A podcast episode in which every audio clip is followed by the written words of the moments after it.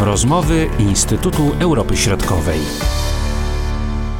Norwegia przed wyborami przeprowadziła szeroką kampanię promocyjną. Premier Erna Solberg wzięła udział m.in. w szczycie Unii Afrykańskiej.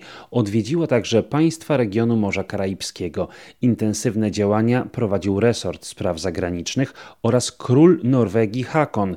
Takie działania musiały przynieść pożądany efekt, podkreśla dr Damian Szacawa. Norwegia zakończyła starania o to członkostwo z, z, sukcesem. Norwegia rywalizowała o jedno z dwóch miejsc przypadające tak zwanej e, grupie państw Europy Zachodniej i innym państwom pozostałym e, rywalizowała z Irlandią i Kanadą uzyskała największą liczbę głosów, bo 130 i e, oznacza to, że kampania promocyjna, która została zaingerowana jeszcze w 2007 roku, e, nieoficjalnie, a oficjalnie w czerwcu 2018 roku, została zakończona sukcesem. Dla Norwegii, dla państwa, które jest państwem małym, jest to dość duże wyzwanie. Norwegia będzie po raz e, czwarty członkiem e, Rady Bezpieczeństwa Organizacji Narodów Zjednoczonych. Ta poprzednia kadencja była e, na początku tego, tego wieku, w latach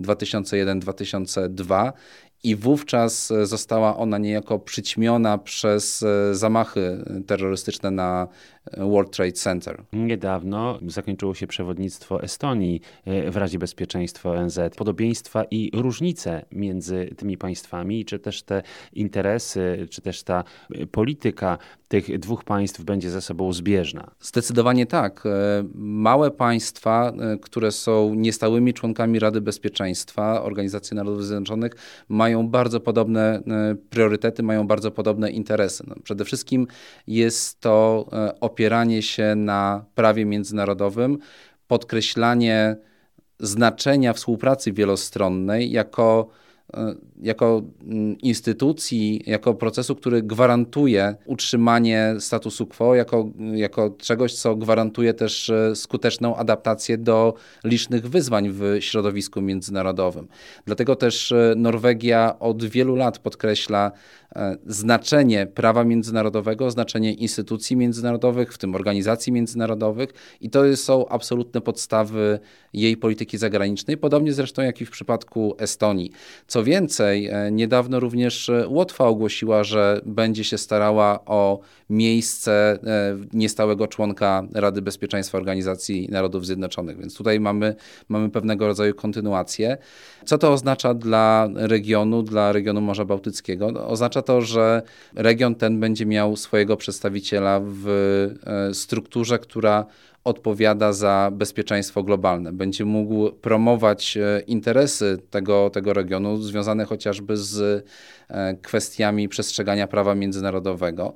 E, będzie mógł promować również kwestie, które są bliskie dla państw tego regionu. W przypadku Estonii widzieliśmy te interesy związane chociażby z cyfryzacją, z szeroko rozumianą cyfryzacją.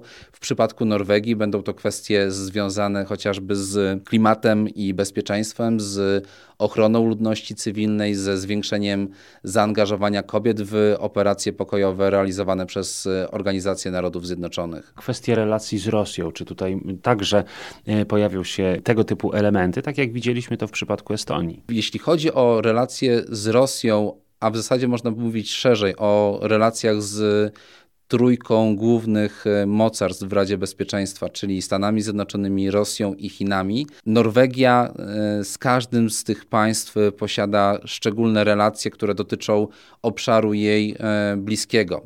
Szczególnie bliskiego to są relacje dotyczące tego, co się dzieje w Arktyce, jak to mówią w Norwegii, na dalekiej, dalekiej północy. Pojawiły się dość duże obawy w części norweskich partii politycznych, również w tej, która do stycznia e, wchodziła w skład rządu, czyli e, Partii Postępu.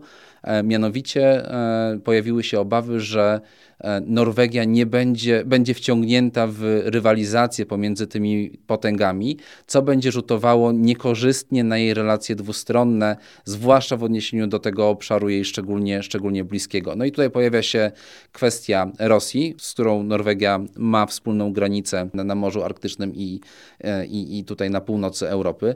Pojawia się kwestia Chin, które odgrywają coraz większą rolę, pomimo tego, że nie są członkiem e, Rady Arktycznej, czyli tej organizacji, która mm, zajmuje się porządkowaniem spraw w regionie Arktyki, ale ma tam status obserwatora, podobnie jak Polska, i prowadzi politykę e, związaną z, z swoimi interesami w regionie, w regionie Arktyki. Więc to, że Norwegia będzie w Radzie Bezpieczeństwa, może rzutować niekorzystnie na jej relacje dwustronne i będzie z pewnością bardzo dużym wyzwaniem dla, dla norweskich e, przedstawicieli, dla przedstawicieli Norwegii w Radzie Bezpieczeństwa. Poszanowanie prawa międzynarodowego podejrzewam, że tutaj będzie pole do ewentualnych konfliktów.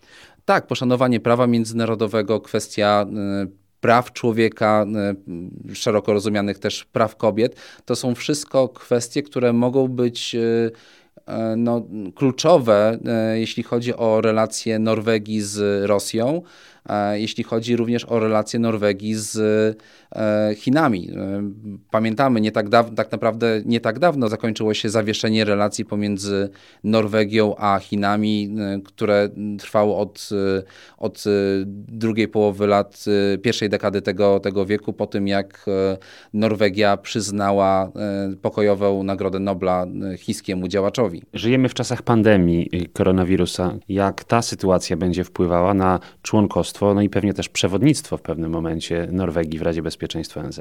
Przewodnictwo Norwegii w Radzie Bezpieczeństwa w tym momencie nie jest jeszcze określone. Mamy kalendarz na rok 2021 i Norwegii tam nie ma. To, to przewodnictwo jest sprawowane według porządku alfabetycznego, więc e, w zależności jeszcze od tego, kto, kto będzie wybrany w e, przyszłym roku e, do Rady Bezpieczeństwa, bo tam skład się zmienia, jest wymieniany co, co, co roku. Połowa składu tych niestałych członków jest wybierana co roku.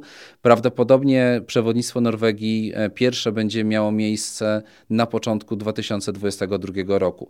Jak będzie wówczas wyglądała sytuacja z koronawirusem, tego, tego nie wiemy.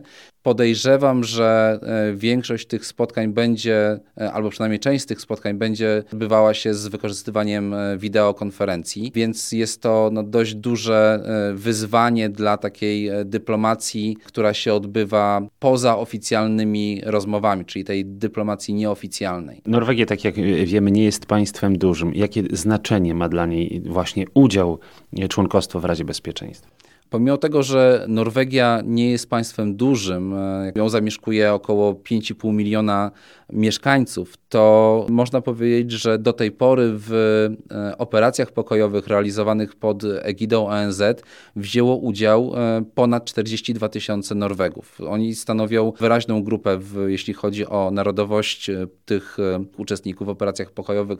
Mówimy tutaj o żołnierzach, ale mówimy również o uczestnikach cywilnych, chociażby mm, czy, czy też y, pracownikach policji. Państwo to zapewnia też piąty co do wielkości wkład finansowy w działania operacyjne Organizacji Narodów Zjednoczonych na rzecz rozwoju, a Norwedzy stanowią tak naprawdę szóstą pod względem liczebności grupę pracowników, która pracuje w Organizacji Narodów Zjednoczonych na rzecz rozwoju, na rzecz zrównoważonego rozwoju. Więc jest to państwo, które jest bardzo mocno widoczne i bardzo mocno podkreśla e, swoje przywiązanie do porządku międzynarodowego, który jest e, gwarantowany przez ONZ, gwarantowany przez Radę Bezpieczeństwa, mając świadomość jednocześnie, że ta organizacja i jej e, organy no, wymagają ciągłej adaptacji do, do zmian ze względu chociażby na to, że no, sama Organizacja Narodów Zjednoczonych powstała w 1945 roku i od wielu, wielu już lat, dekad jest e, dyskusja na temat reformy składu Rady Bezpieczeństwa. Tym niemniej e, jest e, bardzo ciężko przeforsować taką zmianę no, ze względu na stanowisko stałych członków Rady Bezpieczeństwa Organizacji Narodów Zjednoczonych. I ta sytuacja pewnie w najbliższym czasie się nie zmieni. Czekamy na szczegóły dotyczące samej prezydencji razem z doktorem Damianem Szacawą. Marcin Superczyński, do usłyszenia. Były to rozmowy Instytutu Europy Środkowej.